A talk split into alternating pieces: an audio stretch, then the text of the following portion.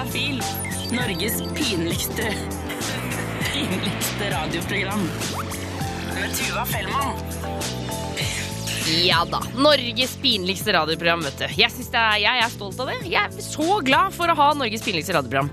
Det handler om sex, kropp og følelser. Jeg heter Tuva Fellmann. Velkommen skal du være. Eh, og om ikke så altfor lenge eh, så skal vi få besøk av dagens panel. Fordi sommeren nærmer seg med stormskritt. Og jeg mener at det er en aktivitet eh, som gjerne skjer sene sommerkvelder, som er viktig. Det er viktig å øve, det er viktig å liksom terpe eh, og, og bli verdensmester i klining. Selvfølgelig skal man kline så mye man klarer. Og desto mer du gjør det, desto bedre blir du vel. Men det kan hende at du trenger litt tips og triks på veien. Så det skal altså panelet straks gjøre. Eh, utenom det så skal vi også få høytlesning av erotiske folkeeventyr, og vi skal høre hvordan det går med Linn, som er gravid for fjerde gang. Eh, og så skal vi svare på masse spørsmål om sex, kropp og følelser. Så her er det bare å gjøre seg klar. Tuva Fellmann. Norges pinligste radioprogram. Og gleder meg nå stort til å sette i gang dette lille prosjektet jeg har på gang. For jeg har nemlig fått besøk av dagens panel. Det er Maiken, Marie og Eirik. Velkommen skal dere være. Hei, hei. Vi skal snakke om klining, dere. Beste aktiviteten i verden, spør du meg. Eh, Maiken, kan kan ikke du fortelle du, liksom, noen ord om deg selv? Hvor gammel du er, hva, du, hva slags sivilstatus du har? Og når du liksom råklina sist? Uh, jo, jeg er 19 år og har nylig blitt singel, tror jeg. Uh... Hvordan, uh, hvordan kan du ikke vite det? Eller nå skjønner jeg ikke. altså, vi har en pause, men jeg tror egentlig at vi er over. Så det er Å, liksom nei! turbulent. Er det sant? Så trist, da. Eh, nei, det går bra. Ok. Det går fint. Eh, og jeg tror sist gang jeg råklina må ha vært eh, på en fest forrige helg. Så i fylla. I fylla. Eh, Eirik, hva med deg? Eh, jeg er 21 år, og jeg er forholdsvis singel, vil jeg si. Uh... Forholdsvis singel. Dere har så rare definisjoner her, folkens. Forholdsvis singel? nei, jeg- eh, greia jeg, jeg holder på med en jente, men det er ikke seriøst, da. Ok, Ja. Så det er bare Ja, det er, det er på dealeren, liksom? Ja. Ok, Og når var det du råklina sist, da? Uh, I går kveld. I går kveld? Hvor lenge var det? Mm, eh, er ikke tida, men et sted mellom fem og ti minutter, kanskje. Ja, Det er bra klinetid, altså. Veldig bra klinetid. Eh, Marie, eh, alder og sivilstatus og eh, råklining her. Eh, Jeg heter Marie og er 26 år. Jeg er singel. Og um, råklina, det var vel i starten av mai, sammen med en gutt jeg holdt på med da, da. Og det var veldig koselig. Det var veldig koselig. Eh, vi skal snakke litt eh, med dere, med dere om klining, for eh, hva man skal gjøre for å få det altså, skikkelig bra til, og hva man ikke skal gjøre. Det blir etter Lady Gaga her på P3. Dette er P3. Programmet er Juntafil, og vi har fortsatt besøk av dagens klinepanel, som er Eirik Marie og Maiken. Og dere har jo klina Det er ikke så lenge siden dere har klina alle sammen. Råklina, faktisk. Eirik, du ligger på topp med går, i går kveld. Det føles godt. Det, jeg, jeg, blir litt sånn, jeg blir nesten litt misunnelig, kjenner jeg. Um, nå har jeg lyst til å høre en skikkelig god klinehistorie. Maiken, har du noe å by på? En liten historie. Eh, ja eh, Nå var det med den kjæresten min, da, tidligere kjæresten, så eh, vi var på en fest. Altså, ja. Eh, og da hadde vi begge drukket litt, og så var det var vi begge litt sånn brisen. Og ja, så gikk vi liksom ut på verandaen, for at eh, det var sommer, og sant, folk flytter seg ut på verandaen for å henge. Eh, og så bare liksom dro han meg inntil, og så begynte vi å kysse og kline, og liksom eh, Så tok han liksom hendene sine i håret mitt, da, og liksom holdt meg fast mens vi klina, og det var Det er et godt triks, altså. Ja. det fungerte kjempebra, for å si det sånn. Ja, for da tar du det liksom opp bak, liksom bak ørene nesten, på en måte. Skjønner du Ja, hva jeg mener? Men ok, men men du sier også at dere var litt brisende. Altså, Blir klining bedre når man er full? Eh, det er vel lettere at det forekommer da, kanskje. Det er lettere å tørre å gå bort til en jente du ikke kjenner så godt, og begynne å liksom, komme frem på. Det er på en måte en, eh, det er en måte å få eh, svar tilbake på, at den personen liker det òg, da. På en måte. Mm, ja, interesse tilbake. For hva er det man skal gjøre for at klininga skal bli skikkelig god, Marie? Da um, er det jo et litt en fordel at man liker hverandre, eller at kroppene liker hverandre, for det merka man veldig godt. Men det må være en kjemi, Det liksom. ja, en veldig god kjemi, og da er det å Ja, som man, dere sa i stad, det å holde rundt hverandre og mm, se på hverandre inn i øynene og bruke tunga flittig og Ja, men- være avslappa. Men, men stopp der, stopp der. Bruke tunga flittig. Hva, hva skal man gjøre med tunga helt konkret? Skal det liksom, hvor langt inn i munnen skal den? Den skal samarbeide med den andre tunga. Det er veldig viktig, i hvert fall for meg. For det er ikke noe som skal stikke ut og inn. Det er ikke penetrering oralt det skal skje med tunga. Det er, eh, For min del så skal begge tungene samarbeide med hverandre. Skal være en kjemi der. Det skal En ikke være dans. noe Ja, En en dans! ja. Perfekt! Det skal ikke være noe konkurranse om hvem som skal være mest i den ene munnen til den andre. Det skal være rolig, og så kan det være stoppe opp med noe kyss. Stoppe opp med kyss på kinnet, halsen. Altså, ikke, ikke noe orgasme her nå i studio. Brått så ble det en annen stemning. Men ok, ja, en dans med, mellom tungene. Maiken, hva tenker du? Har du noen tips til eh, hva man skal gjøre? Jeg synes det kan være koselig hvis man liksom føler kjemien og lik, virkelig liker hverandre. Så er det koselig med litt biting. Å ja, hvordan da? På, på lippene, liksom? Ja, på underleppa. Litt sånn Ikke i tunga, for det er fryktelig vondt. Men eh, i underleppa bare litt sånn mykt. Bare en slags liten teasing. Som en nibling, kan man si det? Ja, Ok, men, men er vi da på da, Så jeg tenker at hvis noen hadde bitt meg i leppa, da skulle jeg være kjent person ganske godt. Ja. Er det litt sånn viderekommen stadie? Eh, Jeg føler ikke at du kan gjøre det med noen som du liksom traff i dag. Det, det har skjedd med meg, og det er litt sånn rart. Sånn, at noen biter meg i leppa. Wow, og så var det ganske hardt da. Så ok, Er det noe feil jeg gjør her? Eller er det, prøvde å her. Prøvde å sende noen signaler her? Eller er du har fortsatt lyst til å fortsette, men Ja, nei, jeg vet ikke. Det er litt i overkant. Eh, vi skal snakke mer om klining, for eh, vi skal over på det som man absolutt ikke skal gjøre. Eh, Det blir etter Tove Lo her på P3. Dette er P3. Har besøk av panelet. Det er Eirik, Marie og Maiken. Vi snakker om klining her, dere. Og det som dere sa i stad, det, liksom, det, det som virker er viktigst for dere, er at det er en kjemi mellom kroppene, på en måte. At det må, den må, det må ligge noe altså, Det må da være magisk? Ja, magisk er vel å ta i, men det må jo være en, ja, som du sier, en kjemi der eh, For det er jo ikke kun munnen. Det, det blir jo en sånn kommunikasjon gjennom hele kroppen med den andre personen som er veldig viktig å holde på da, for at det liksom skal Ja. kanskje skje flere ganger. Kan man framprovosere den følelsen? Nei, det tror jeg ikke. Nå har jeg klina med folk som jeg både liker og ikke liker, og med de som jeg egentlig ikke liker, så, jeg føles, så blir klininga bare dårlig uansett. For, altså, Er det noen av dere som har opplevd altså, sånn skikkelig sånn ræva klining?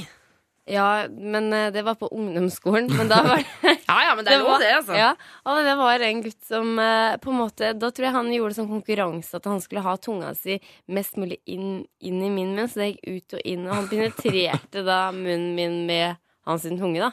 Og det liksom gjorde jeg veldig narr av da, til andre venninner. Du, altså, du baksnakka han skikkelig. Altså, du, Ja. Så fælt! Han, Peter er skikkelig dårlig til å kline, altså. Ja, for det var så tragisk! Det var så tragisk. Det gjorde nesten vondt i munnen min. Det, det blir jo på en måte voldtekt i munnen, og det er ikke greit. Men jeg Mener du, nei? Eh, Men ok, hva er, det man, eh, hva er det jenter ikke skal gjøre når de skal kline med deg, Eirik? jeg har opplevd at jeg på en måte har blitt spist opp nesten. At de liksom er overalt. Og det er veldig eh, slitsomt, føler jeg. Det bør være liksom munnen i holdes der. Kan man lage en regel på det at når du kliner med en person, så skal ikke dine lepper nødvendigvis gå over den Ja, andres det, lepper? det høres ut som en veldig god regel. Eh, det er det jenter som burde lære. Ok. Maiken, hva tenker du? Hva, hva er det man ikke skal gjøre når man kliner med deg? Eh, ikke gjør det samme, den samme bevegelsen hele tida. For det har jeg opplevd, og det, det blir kjedelig. Og hvis man liksom prøver med sin egen tunge og få personen til å gjøre noe annet, men den bare fortsetter med veldig hard tunge og gjør det samme, samme bevegelsen om igjen, så blir det kjedelig og ja.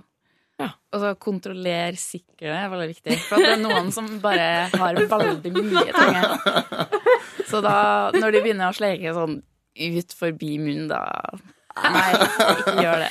Men når du sier kontroller sikkerhet, skal du liksom ja, Må du bare svelge litt hele tiden da, for å passe på at det ikke renner ut? liksom? Ja, men ikke begynn å sleike utenfor munnen. munnen. Altså, vær så snill.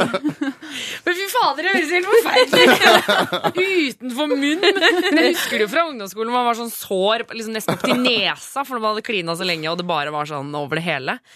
Men ok, Marie, har du noen siste tanker om hva man Altså, hva er det man ikke skal gjøre? Man skal ikke bite tunga til den andre. Det tror jeg ikke man skal gjøre. Ja, for bit i leppa, det snakka vi om i stad. Det er ok på litt sånn viderekommende stadie. Ja. Men tunga, det er no go. ja. Ja. Det, det er jo ikke godt i det hele tatt. Nei, det skal man ikke gjøre. Er det noen av dere som har klina med, med piercing, forresten? Det er ikke som jeg husker. Nei. Maiken? Uh, nei, men eh, ikke tungepiercing, men nå har jeg jo piercing sjøl, da. Du har piercing, ja! ja! Hva, er det noe man må tenke på? Altså, Gjør du noe med den? Le, bruker du den når du kliner, liksom? Nei. Men uh, nei, den er bare der. Men jeg har fått kommentarer på at uh, å, det var spennende å kline med noen som har piercing. Ja, ja, ja, ja, ja. Jo, nå kom jeg på en ting. At eh, gutten må ikke suge tak i tunga mi og sånn. For det har det skjedd en gang, og det er ikke behagelig. Som en støvsuger, liksom? Ja! Det, nei, det, nei, det må vi ikke gjøre. Ok. Nei, det er jeg veldig enig i. Alltid liksom sånn Alt som er for hardt og for uh, utafor munnen, ja, når det blir liksom for vått rundt munnen, altså sånn utafor munnen, ja, det blir litt sånn kjipt. det blir i overkant, ja. Ja, når skjegget mitt begynner å dryppe, liksom, nei, det går ikke. Pass på at skjegget ikke drypper. Skjegget. Dagens panel, tusen takk for at dere kom innom, Juntafil. Takk for at Jo, du bare kom. hyggelig.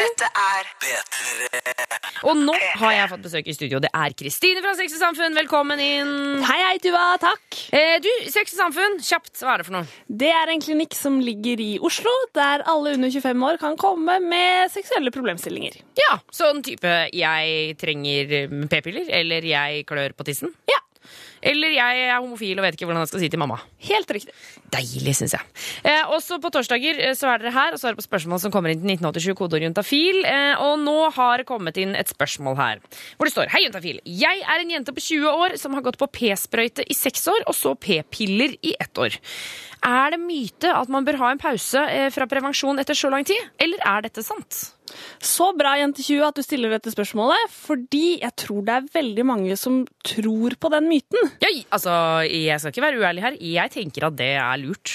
Men det er det ikke. Er det ikke det? Nei, det er ikke noe poeng Nei, men ta er det sant? Nei, nei, nei, det er bare, bare tull. Så, altså, så, så du kan gå på prevensjon så lenge du vil? Det kan man. Men øh, fordi, altså, jeg, jeg tenker jo hele tiden på liksom sånn at det- du tar jo det med hormoner inn og ut, og det er stopping av mens, og det er liksom Er det ikke liksom litt skummelt? Nei, man har ikke funnet noen øh, sånne negative langtidseffekter ved det å gå på prevensjon lenge. Nei, ok. Men dette med jenter For når jeg tenker på p-piller, så er det jo noe snakk om sånn blodproppgreier og sånt. Ja. Kan vi ikke liksom raskt gå gjennom hva som skjer der? Ja, altså Det som er, er at med de hormonene som er i p-piller, som er hormoner som jenter har i kroppen sin hele tiden, eh, så øker Hvis man øker den hormondosen, som man gjør lite grann med p-piller, så øker også blod, eh, sjansen for blodpropp lite grann. Det er bare veldig viktig å presisere at det er en veldig liten økning. Men hvis man fra før av har andre risikofaktorer for å få blodpropp, Som type at liksom mamma hadde blodpropp da jeg var liten? for eksempel, eller at man har noen sånne spesielle sykdommer fra før av, så skal man ikke bruke p-piller, for da tar man ikke sjansen på den lille økningen. Ok, Men når du, sier- ok, når du sier lille økning ja, Allikevel så er det jo sånn man tar jo blodtrykk, og de stiller jo alle sånne spørsmål når man får p-piller. Hvordan liksom veit man hvis jeg får blodpropp? Hvordan vet jeg det? Hvis man, det vanligste da er å få det i leggen, og da blir gjerne ett ben veldig hovent, rødt og varmt. Oh, ja. Og da er det viktig å ta kontakt med lege med en gang hvis det skulle skje. Da er det liksom ambulanse, på en måte? Ja, Da kan man godt ringe 113 eller ta, dra direkte på legevakt. Men når du sier ok, hvor hovent altså, Fordi jeg, jeg får jo hovne legger Altså, jeg kan få liksom hovne legger av å gå langt, jeg. Ja, men det som er med blodpropp, da er det ofte bare én legg. Så da kan det være veldig greit å sammenligne med den andre. Oh, ja. Og hvis det er veldig stor forskjell der, så burde man begynne å tenke seg litt om. Ok, Men er denne faren konstant etter at man har begynt på p-piller? Den er aller størst idet man starter på p-piller. Eh, og det er også derfor vi anbefaler å ikke ta sånne unødvendige pauser, for da eh, har man tenkt at da blir den far økt igjen når du starter på nytt. Ikke sant? gjør du det bare om og om igjen? på en Ja. måte. Ok, Så egentlig så anbefaler man så forstår jeg det rett, man anbefaler at du skal, har du begynt på p-piller, skal du fortsette på det til du ikke trenger det lenger? Ja, helt riktig. Oh, og, og det, gjelder dette også både p-stav, p-sprøyte, p-ring og alt det der? Nei, fordi, det er litt forskjell, fordi i noen prevensjonsmidler så er det to hormoner. eh, Og det er de som gir økt risiko for blodpropp. Men så er det andre, andre prevensjonsmidler, som f.eks. p-stav eller eh, hormonspiral Nei, ikke p-ring. Men som bare har ett hormon, og der er det mye mindre sjanse for, eh, for blodpropp. Så hvis man har en sånn sykdom fra før av som øker risikoen, eller at eh, flere i familien har fått blodpropp, så kan det være lurt å velge et av de andre alternativene. Vi fortsetter med musikk du får Arif med 'Sulten' her på P3. Du hører på Du P3. Eh, Og du hører på Juntafil her på P3. Jeg heter Joa Fellmann og har besøk av Kristine fra Sex og Samfunn. Eh, Og du svarer på spørsmål eh, som tikker inn til 1987, eh, kodeord Juntafil, Kristine. Det gjør jeg. Eh, Og jeg tenkte vi skulle ta for oss et spørsmål her som er ganske kort og konsist. Har fått røde flekker på kukhodet. Ingen sex på to år. Hilsen gutt 22. Ja. Hva kan det være? Ja, hva, hva kan det være? Det, altså, hvis han ikke har hatt sex på to år, så kan man jo utelukke de fleste seksuelt overførbare infeksjonene. Som klamydia og slike ting. Men for det kan ikke ligge og ulme i to år, liksom? Mm, det er sikkert mulig at noen er med det vanligste er nok ikke det. Ok. Men hvis man er i tvil, så er det jo greit å gå og ta en sjekk. Men jeg vil, det er ikke det første jeg ville tenkt på. Nei, Så da, tar- da tar vi høyde for at det ikke er uh, kjønnssykdommer. Ja. Um, men på tissen så har man jo hud som på ellers på kroppen. Uh, Det ville vært veldig rart hvis det bare var kjøtt der nede. Liksom. ja. Det ville vært rart. Um, sånn at alle mulige hudsykdommer kan man også få i underlivet. Åh, sånn type eksem og sånne ting? Ja, som eksem. Ja. Det, det kommer veldig an på hvordan disse røde flekkene ser ut. Em, men så må man jo også spørre gutten her da, om, um, om eh, huden der har blitt utsatt for noe spesielt den siste tiden. Eksempel hvis han har eh, runket veldig mye. Mm. Kan det være sånn friksjonsskader? Ja, så at det er, bare, det er rett og slett liksom at huden er bare litt sliten, liksom? Ja, at huden har blitt utsatt for mye strekk og sånn, og da kan den reagere med å bli rød og flekkete.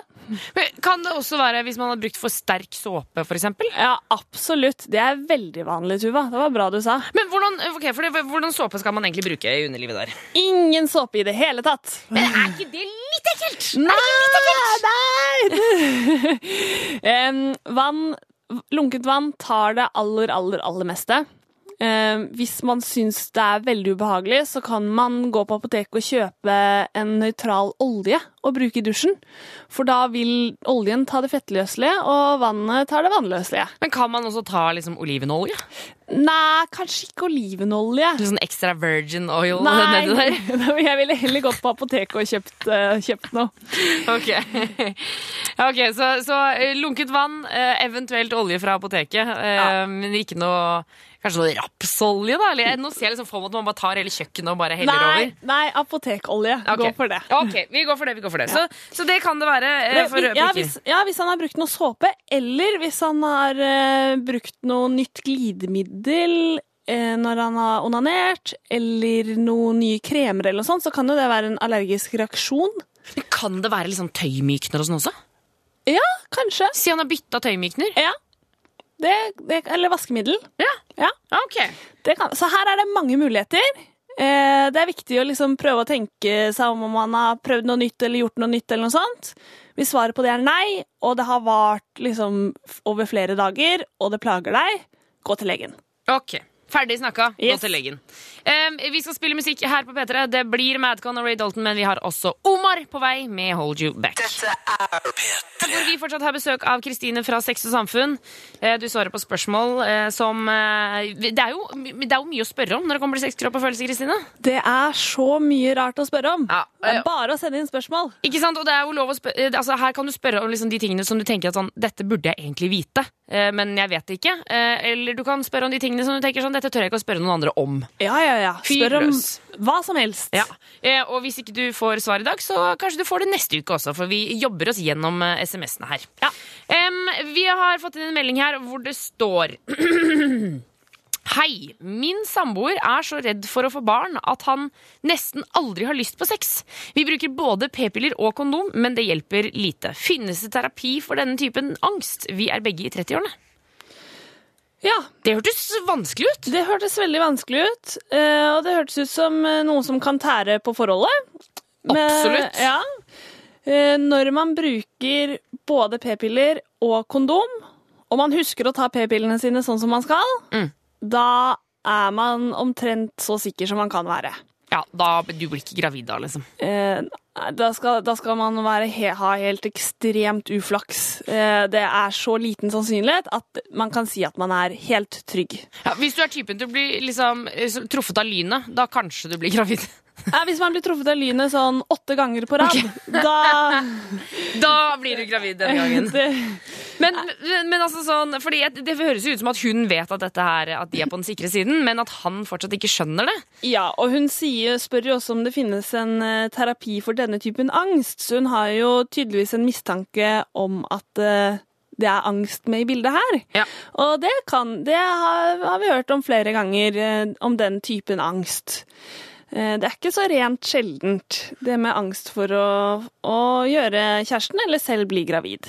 Men, men hvordan, hvordan sånn behandler man det, da? For det må jo være både slitsomt for henne og han. Eh, og i og med at det, altså det er litt vanskelig ut fra SMS-en å tolke, men det høres ut som dette er noe som plager begge to, som du sier. Mm. Eh, og at det går litt utover forholdet og hverdagen. Og da er dette absolutt no noe man kan søke hjelp for. Eh, og det kan man gjøre ved å gå til f.eks. fastlegen sin. Men kan man, altså kan man Fordi jeg tenker sånn at fastlegen da bare sier sånn Her kan dere ikke bare just do it, liksom. Men da, blir du da videresendt til en psykolog, eller? Ja, det kommer litt Noen fastleger er veldig interessert i angst og er veldig flinke på angst, og da vil de kanskje sette i gang terapi selv. Men hvis det er noe fastlegen ikke er så kompetent på, så vil man gjerne henvise videre. Ja, Kommer også litt an på hvor god tid fastlegen har og sånn også. ikke sant? Og da kan man få en henvisning til en psykolog, eksempel. Så da blir det rett og slett terapi. Da blir det terapi. Det finnes, og det er um, ofte veldig effektivt. Men altså, hvis, før de liksom tar det skrittet, så tenker jeg sånn, det må jo gå an å sette seg ned her og, og si til denne fyren at Men, men forklare hvordan p-piller funker, liksom. Ja, for igjen da, så kommer det jo an på um, hva som er årsaken her. Er det på en måte at man ikke vet helt hvordan prevensjon fungerer, så vil det absolutt være en mulighet. eh, Å bare forklare at eh, det fungerer sånn og sånn, og sannsynligheten for å bli gravid er ekstremt liten. Mm. Men hvis det er en angst som ligger i bunn, så vil nok ikke det eh, være det som gjør at eh, han slutter å bekymre seg. Ok. Da må det nok litt hardere skyts til. Så da eh, sier vi oppsøk eh, fastlege og snakke om dette her, og få eventuelt en henvisning videre, eller hjelp der. Og så kan du jo helt sikkert gjøre dette privat også. Det finnes jo masse psykologer og terapeuter rundt omkring. Ja. Hvis du vil ha Nå, nå koster jo det masse penger, men hvis du liksom virkelig trenger fortgang i det. Og så kommer det litt an på hvor man bor også. Ja. Eh, Men det er absolutt en mulighet hvis det er det tilgjengelig der man bor. Dette er P3. Og når man er gravid, eh, så er det et sted man blir ganske godt kjent med, nemlig helsestasjonen. I løpet av en graviditet så får du eh, tilbud om hele ni kontroller, i tillegg til overtidskontroll hvis du fører etter termin. Og det er kanskje ikke så rart, for det vokser jo et menneske inni magen din. Vi skal nå tilbake til Arendal eh, for å bli med Linn på svangerskapskontroll i uke 23. Dette her, det er lyden av et hjerte som slår 130 ganger i minuttet. Den lyden den kommer fra en baby som nå har vokst inni mamma sin mage i ca. fem og en halv måned, eller i 23 uker. Det er det store som bare Alle vil jo høre den fosterlyden i begynnelsen. Ja, Hør ultralyden. Den er helt vill. Hun som går rundt og bærer på denne babyen, hun heter Linn, og hun befinner seg akkurat nå inne på et lite kontor på helsestasjonen i Arendal. Hun er her fordi jordmor Katrine skal sjekke åssen det står til med hun, og åssen det står til med babyen hennes. Men åssen har du det? Har det fint. eh, fin form. Jeg har aldri vært så god form, så derfor så hver dag bare en bonus. Linn og jordmora de snakker først litt sammen om eh, åssen hun har det, og om det er noe som eh, plager henne. Og så går de i gang med undersøkelsene. Da må vi ta, da må vi ta blodtrykk.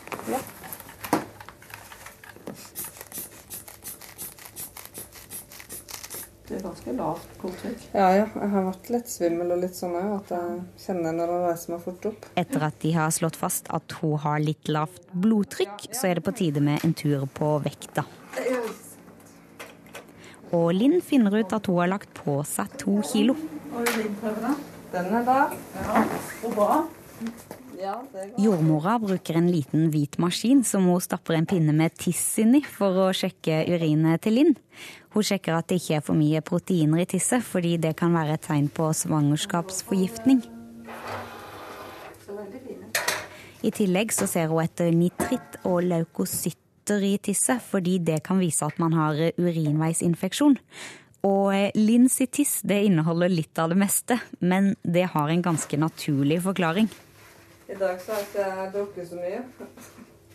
Nei, det var litt konsentrert. Ja, jeg så det. Så satt jeg så på Grace Anatomy, og så døde jo Derek. Så da satt jeg bare og grein. Så han har egentlig bare mista mye mer eh, Barseltårer. i barseltårer allerede. Til slutt så er det noe som heter symfyse fundusmålet, som må sjekkes for å finne ut åssen babyen vokser. Ja, du slapp det helt av. Sånn, ja. Flott. Det er egentlig avstanden fra toppen av livmora til symfysebeinet. Og symfysebeinet kalles òg av ganske åpenbare grunner skambeinet. Og det er det beinet som eh, damer har rett på innsida av dusken sin. Og foruten å konkludere med at Linn sitt barn vokser sånn som det skal, så kan òg jordmora meddele at det har god plass å boltre seg på. Men når det er nummer fire, så har han jo så god plass at det er som å blåse opp en ballong hver gang du blåser opp, vet du. Så blir det jo, jo, jo mer og mer eh, vi, Ja, for å si det sånn. Vi gjør jo det. Fantasi, det. Men så er det jo også det at når du ikke har født, men det er jo ikke så veldig lenge siden du fødte, det er fire år siden. Ja. Du sier det Hvis det er mer enn syv år, så er det noen som sier det at eller det ble veldig sagt før, at, eh, at da var det som å føde for første gang. Mm. Ikke sant? Som at du var førstegangsfødende igjen. Og det er jo tull, for det hadde egentlig vært veldig fint. For da var vi jo blitt liksom helt Tilbake til tilbake til den var eh, 19 år, ikke sant? Så, mm. men det er det ikke. Nei. Eh, Og vi skal høre mer fra Linn neste uke. Reporter her var Grete Husebø. Vi fortsetter med Headlights. Du hører på Juntafil på NRK P3. Dette er P3. Juntafil presenterer erotiske folkeeventyr. I dag Bryllupet på Velkje. Det var alltid besynderlige folk på Velkje. Og en gang var det et par gamle folk der som hadde ei eneste datter. Hun var så stor og diger som den største kar. Det var ikke maken til kvinnfolk på lang lei. Men hun skulle gifte seg, hun, som andre gardsjenter. Men det var ikke greit å finne en brudgom som passa. Til slutt så fant de en som var like stor og diger som hun sjøl. De var litt tuslete, disse velkjefolkene. Derfor var vi ikke riktig i stand da bryllupsfolkene kom til bryllupet. Det var ingen langkrakk på framsida av bordet i bordstua enda. Til de fikk ordna seg det, satte brudgommen seg på høgsetet, tok ut kuken sin og la den tvers over stugu. Så ba han dem sette seg og bruke kuken som langbenk. Det ble sete til tolv. Mens de satt så godt i lag med prat og øldrikk, kom brura inn. Og puppene hennes de var så store at fire karer måtte bære det framfor henne i et bakstrog. Da brudgommen fikk se dem komme med dette, så spratt kuken i været så de tolv som satt på, datt av. Noen knekte nakken mot takbjølkene, noen datt ned og slo i hæl seg mot bord og benker. Noen klarte seg, men de fleste fikk men og skader. Så ble det likferd i stedet for bryllup på Velkje.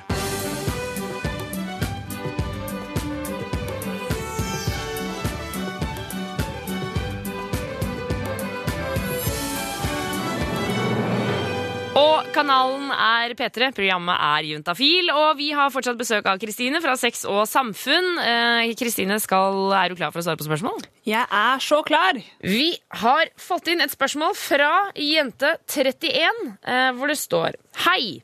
Lurer på hvorfor jeg får hemoroider etter analsex selv om vi bruker glidemiddel. Vil ikke slutte, men er det noe man kan gjøre for å forebygge? Eh, jeg visste ikke at man fikk hemoroider av analsex. Gjør man det? Um, det var ikke så kjent for meg heller. Men for, hvorfor får man hemoroider? Hemoroider det får man fordi man får økt trykk i de blodårene som er rundt eh, anus. Det er jo masse økt trykk under analsex. Ja, så kanskje det er det, ja. Eh, hvis, hvis, og det er vanligvis så kan man få hemoroider hvis man liksom bruker bukpressen mye, altså trykker veldig akkurat som man sitter på do. Ja, hvis, du, hvis du liksom ikke lar, ikke lar avføringen komme av seg sjøl, hvis du presser den ut hver gang, liksom. Ja, sånn at de som er forstoppet, eh, og ganske ofte forstoppet, de får ofte problemer, med, eller kan få problemer med å få hemoroider. Så hvis eh, analsexen mellom eh, jente 31 og hennes partner innebærer mye trykk, så kan man selvfølgelig fort få hemoroider. Ja. Så, men hva kan man gjøre for å forebygge dette, da? Ikke, Ikke trykke så mye? Ikke trykke så mye. altså, det er mye vane, ikke sant. Um, Hemoroider er ikke veldig morsomt å ha, og det kan være veldig plagsomt. Uh, og da må man prøve å unngå de årsakene som gir hemoroider. Og da vet vi da at trykk er, eh, er viktig her. Men kan det nå, nå er, kjenner jeg at jeg er på tynn is her, men kan det være eksempel at det, det skaper for mye trykk fordi at det ikke er liksom nok oppvarming? At man liksom presser inn før liksom selve rumpehullet er klart? For altså, sånn, Man skal jo liksom varme opp med noen fingre og liksom tøye og bøye litt før det skal skje. Ja, det kan godt være. Og så er det jo ikke, etter hva jeg har forstått, da, så vanlig å trykke så mye under analsex. Så det, det går i hvert fall an å, å gjennomføre analsex uten å bruke buktrykket så mye. Ja. Så det, men er jente 31 også sikker på at det er hemoroider, lurer jeg på. Å, så det kan være noe annet? Ja, fordi det som er veldig vanlig ved analsex, det er noe som heter analfissur. Ah, ok, analfissur. Ja, det er rett og slett en sprekk i, rundt anus. I anus, på en måte. Altså, sånn, altså, sånn øh, altså at det rett og slett er bare litt sånn små sår? Ja, på en måte. Hvis du ser for deg anus som en ring, så er den veldig stramt lukket til vanlig, ikke sant? Slik at man kan holde på avføring. Ja. Um, og hvis man tøyer den ringen litt for mye, litt for fort, så sprekker huden opp. Og da får man en analfissur. Ja. Og det er, det er mye vanligere, i hvert fall i forbindelse med analsex, enn hemoroider. Og kan ha litt samme plager, med litt sånn kløe og svie og litt blod på papiret og sånn. Men hvordan blir man kvitt det der, da? Da, igjen da, så er det å unngå det som gir analfissuren. Og så er det å, som du var inne på i stad, Tuva, bruke god tid på oppvarming ved analsex. Mm. Eh, og så hvis det er veldig plagsomt, så kan man også dra til legen og få noe, noen eh, kremer og salver og litt midler mot det. Ja, for Man kan jo få noen sånne avslappende midler og sånn, kan man ikke det? Altså litt sånn kortisonsalve som demper, eh, demper irritasjonen, da. Ja. Demper inflammasjonen.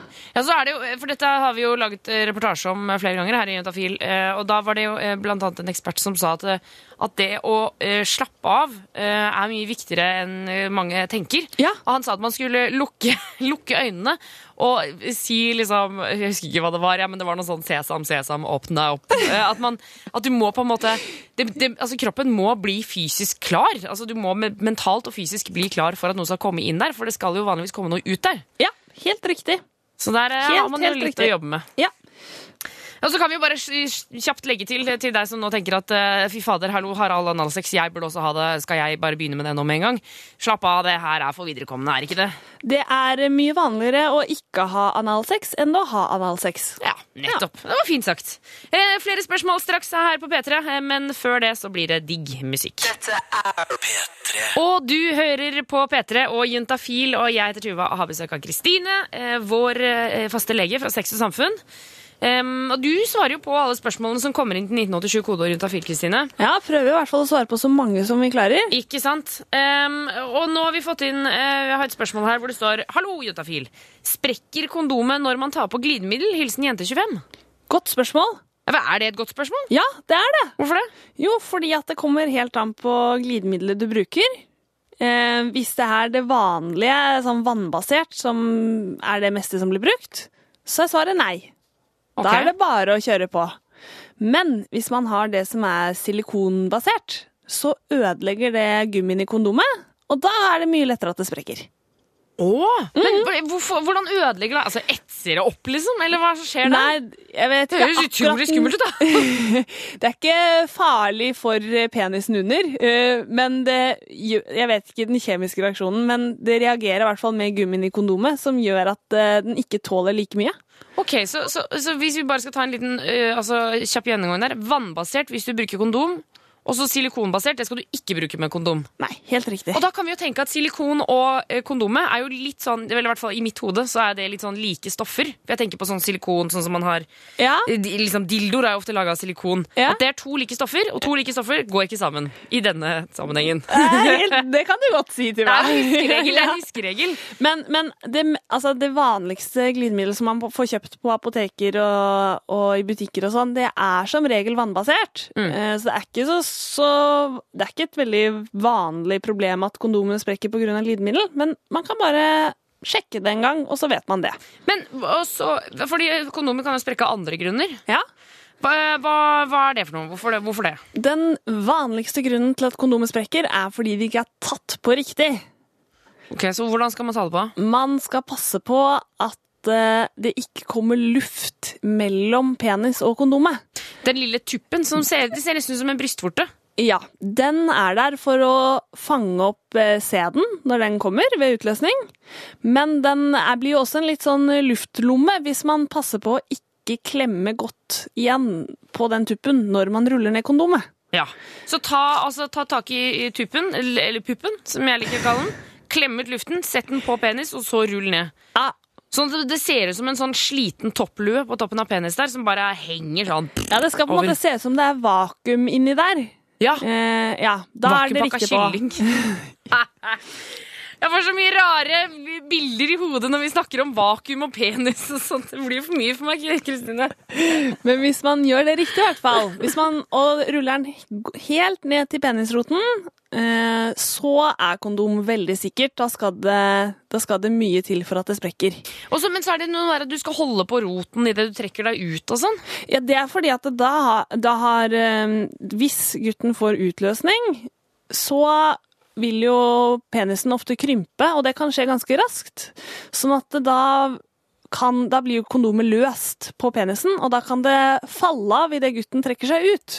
Ja. Og da er det viktig å holde fast kondomet, slik at sæden ikke renner ut i skjeden, for da har man jo Da er man jo like langt. Ja, Da da, er, man, da er det i hvert fall graviditetsrisiko, og da må man ta ja, hensyn til det videre. Ikke sant. Mm. Um, vi skal svare på flere spørsmål, men jeg må bare si til dere som bruker kondom, veldig bra jobba. Ja. Kjempebra. Fordi Tommel opp. Ja, glemmer av og til å si, liksom, selv om folk gjør ting som vi sier at du skal gjøre hele tiden, så er det sånn bra, altså. Flink du er som, som bruker kondom. Det skal du ha klapp på skulderen for. Dette er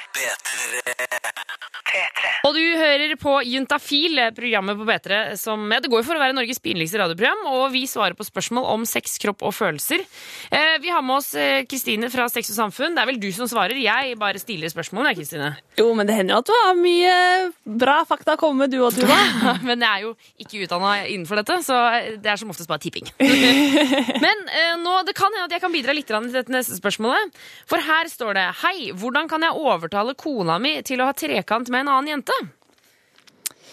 Jeg, jeg blir alltid skeptisk når man sier, bruker ordet overtale. Altså, Ja. Har du ikke lyst, så har du ikke lyst. Liksom. Det må vi, den, den må vi bare legge til grunn med en eneste gang. Ja, så, så hvis uh, dette har blitt foreslått, og kona har sagt nei, det har jeg overhodet ikke lyst til, så er det kanskje ikke Ja, så er det som Tuva sier, man skal ikke overtale.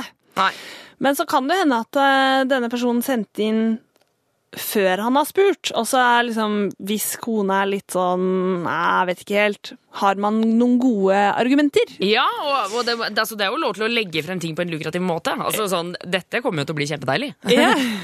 Men, men liksom, skal vi først altså, Vi må gå gjennom litt dette, dette med trekant først, Ja. føler jeg. For det, her er det jo Vi snakker jo ofte om fantasi og, og det å gjøre ting i virkelighet. eh, og av erfaring av å jobbe her i Juntafil så har jeg hatt, gjort mange intervjuer om trekant. Og jeg må være ærlig der at det er få som forteller om vellykka trekanter. Eh, som, altså sånn, de som ikke har gjort det flere ganger, de som bare har gjort det én gang, da har jeg vært klønete, altså. Ja, det er, det er i hvert fall et potensial for at det ikke blir helt sånn som man så, for, så det for seg. Ja, Det er litt sånn første gang når du skal ha sex. At Ja. da ble det litt sånn kinkig. Og det er jo gjerne en ny situasjon for eh, veldig mange av partene i en trekant. Ja. Så det kan være litt sånn at man må føle seg litt frem hvis man skal gjennomføre det. Ja. Og så er det jo også altså For han vil jo ha trekant med en annen dame. Man må også snakke om det aspektet med at eh, her skal det da komme en person inn i vårt forhold, og du skal ligge med en annen dame, jeg skal se på, eh, dere skal kline altså sånn, det, altså, eh, det kan jo oppstå litt sånn sjalusisituasjoner her. Ja, og, og det er veldig viktig det du sier med at det er så mange det er så mange ting man må tenke på da, på forhånd, at det er veldig viktig å snakke godt gjennom det. Ja. Da er det i hvert fall mye større sjanse for at man får en veldig god opplevelse. Ikke sant? Og, og hvis det da blir klønete, så har man allerede prata om det. Så Ja. da, da kan vi liksom le litt av det, og så kan vi fortsette. Ja. Ok, Så, men da, så da har vi hatt det på rennet. Men så, så tilbake til disse argumentene. Hva, hva skal han si for å få med seg kona på dette? Nei, det, det kommer jo veldig an på paret, da. Hvordan de har det mellom seg, og, og hva de har gjort før, og hva de ikke har gjort før, og sånn. Men å legge det fram på en sånn rolig um, måte, hvor man har satt av god tid til å prate om det i etterkant. Mm. Eh, også den som spør, må jo være forberedt på å få et nei. Ja. Eh, det er lov å spørre, men det er også lov å si nei. Ja, Og da er det ikke lov å bli sint eller surmulende? Nei, det er veldig dårlig gjort. Ja. Eh, og så kan det også være at eh, man må spørre om det én gang, og så får man litt sånn lunkent svar. Eh, og så kanskje tar den andre partneren det opp på et senere tidspunkt, når det på en måte har fått sunket inn, og man har tenkt litt om, på det selv. Ja. For at den som spør, har jo gjerne tenkt veldig mye på det i forkant, mens den som blir spurt, kanskje ikke har tenkt på det i det hele tatt før. Mm. Og da kan det være litt mye å ta stilling til med en gang. Ikke sant at det blir, føles litt, eh, litt i overkant, ja. Ja. Men eh, også tenker jeg også at den personen som spør i det, du, altså, det går jo an å legge det frem som at Altså, det, det er jo noe utforsking her. Altså, man, man kan, på samme måte som når folk spør om de skal ha analsex. At det er liksom sånn Jeg har tenkt mye på dette. Jeg lurer på om jeg har litt lyst til å prøve det. Hva tenker du? Altså, Man trenger ikke å gå sånn Fy fader, jeg vil at du skal liksom knulle venninna di mens jeg ser på. Det, altså, vi kan ta det litt rolig og pent. Ja, det absolutt. Det er vel å anbefale. Ja. Ja.